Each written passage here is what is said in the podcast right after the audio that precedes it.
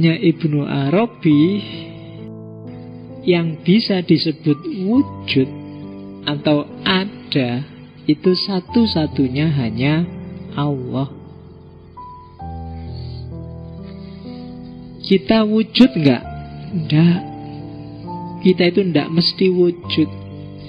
Dulu kalau tahun 60-an kamu belum ada Sekarang ada 50 tahun lagi nggak jamin kamu masih ada.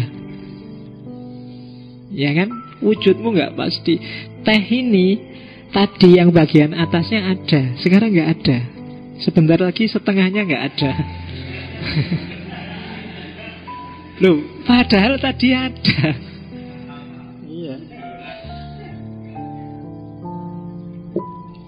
Tadi ada, sekarang nggak ada. Ya kan? Kamu tadi di kamarmu ada, sekarang nggak ada, nanti ada lagi. Jadi ada kita tidak pasti. Satu-satunya yang adanya pasti itu hanya Allah. Loh kenapa Pak kok di kitab-kitab di mana-mana kita juga disebut ada. Ada manusia, ada gunung, ada itu. Tidak, itu cuma metafor aja. Untuk memudahkan pembahasan. Tapi hakikatnya satu-satunya yang ada itu hanya Allah. Dan ada kita itu dipinjemi oleh adanya Allah. Maka semua yang selain Allah itu tidak wujud tapi maujud maujud itu diadakan Dia tidak ada dengan sendirinya Kalau nggak ada dengan sendirinya Berarti adanya dia Butuh yang lain yang bikin dia harus ada Maka disebut maujud Jadi ternyata kita tidak sejati Yang sejati hanya Allah Kalau dalam bahasanya Suhrawardi kemarin kan kita bukan cahaya, kita cuma kaca. Maka manusia yang paling kasihan, yang paling tidak tahu diri adalah manusia yang sombong. Tinggi hati, angkuh, merasa bisa, merasa besar, merasa penting. Berarti dia melukakan hakikatnya sendiri. Makanya kesombongan setitik aja bikin orang tidak bisa masuk surga. Kenapa? Karena dia keluar dari hakikat kediriannya. Hakikat wujudnya wong kamu itu nggak ada. Adamu seperti apa pun itu jasanya Allah. Kalau kamu ganteng itu memantulkan keindahannya Allah. Kalau kamu Tidak, tidak ada orang jelek itu Yang ada orang eksotis Loh iyalah Kamu itu Jangan bilang jelek Cakep dan jelek itu relatif bos. Iya, kalau eksotis itu kan khas kan tadi. Daripada kamu bilang wah wajahmu eksotis sekali kan nggak apa-apa. Kalau dibilang jelek nanti kan ya.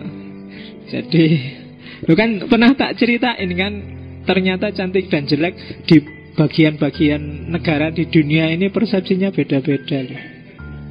Makanya kamu lihat bule-bule yang ke Indonesia itu. Masuk nyari bule juga? Nanti yang putih-putih enggak Dia nyari yang hitam-hitam Yang agak ledak-ledak Yang nggak pernah mandi Itu dia seneng.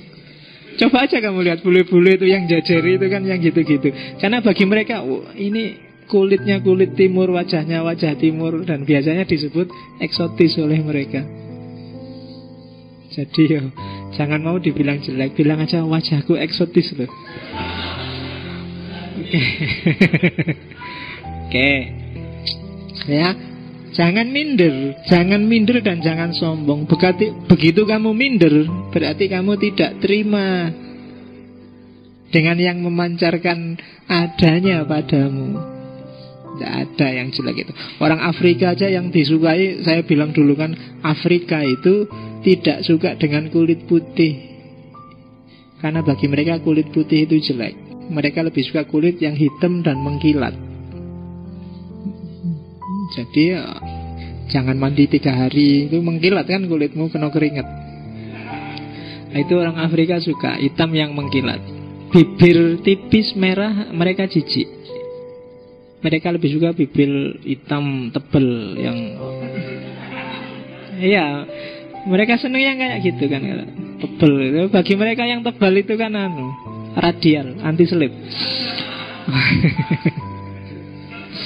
Iya, jadi Iya, kamu yang bibirnya tebel nggak usah bilang bibirku besar, bilang aja bibirku radial, anti selip pokoknya mesti kena.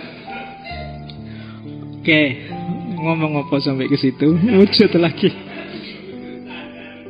Nah, seperti apa sih hubungannya? Lah terus gimana Pak hubungan antara wujud dengan maujud itu? Dari situ nanti lahir wahdatul wujud. Sebenarnya wujud dan maujud itu dua keping dari sisi mata uang yang sama. Itulah wahdatul wujud. Jadi al jadi apa? Itu bedanya antara hak dengan kholak.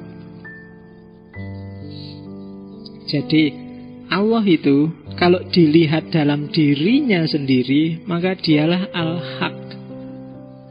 Tapi kalau dilihat dari sisi manifestasinya, penampakannya, kalau bahasanya tasawuf, bahasanya Ibnu Arabi tajalinya Allah yang itu namanya kholak, maka dia banyak.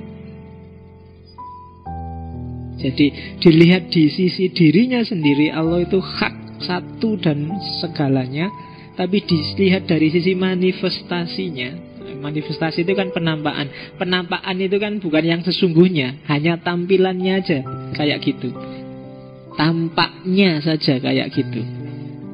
Nah, itu banyak. Alam semesta ini adalah tampaknya dari Allah Makanya acara hantu-hantuan itu kan pakai istilah penampakan. Kita tunggu penampakan. Penampakan itu kan bukan barangnya itu sendiri, tapi tampaknya saja kayak gitu.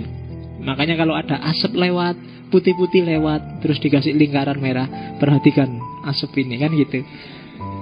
Asap ini kan bukan hantunya, dia cuma penampakannya. Tajalinya. Nah, Allah itu satu, satu-satunya dan penampakannya adalah alam semesta ini termasuk kalian. Itulah wahdatul wujud. Analoginya biasanya pakai cermin kalau di Ibnu Arabi. Kayak cermin banyak atau kalau bingung cermin banyak, misalnya ruangan ini temboknya semua kita ganti dengan kaca yang bisa dibuat berkaca. Terus Aku berdiri di tengah-tengah ruangan ini yang sekelilingnya kaca.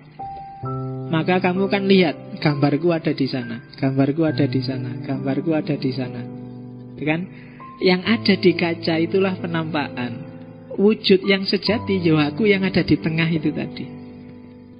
Alam semesta termasuk manusia itu gambarku yang ada di kaca itu. Dan Allah adalah aku yang ada di tengah-tengah itu tadi. Itulah wahdatul wujud. Wujud yang sejati ya aku yang di tengah tadi. Yang lain kan cuma penampakan. Apa pun yang lain itu kan tergantung aku. Kalau aku ngangkat tangan Dia juga ngangkat tangan. Yang gambar di sana Yang belakang juga ngangkat tangan.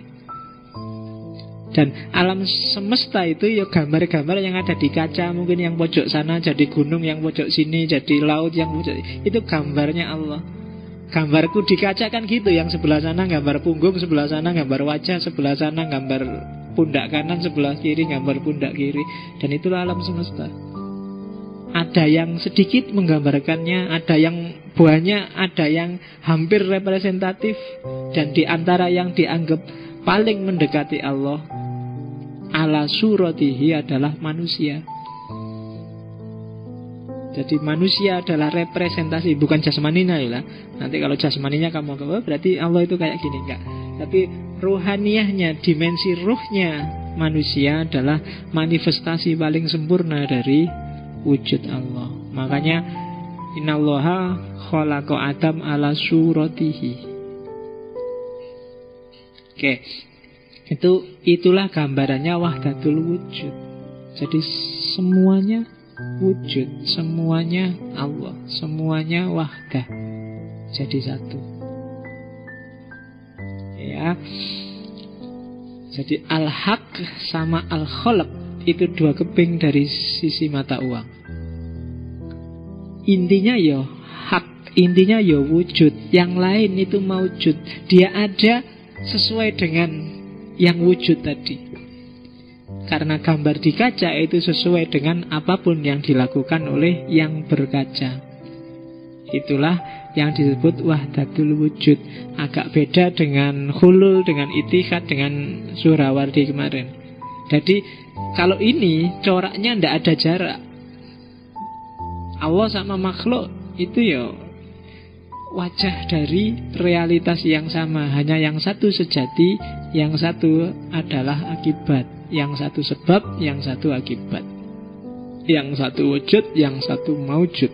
Yang satu hak, yang satu kholak.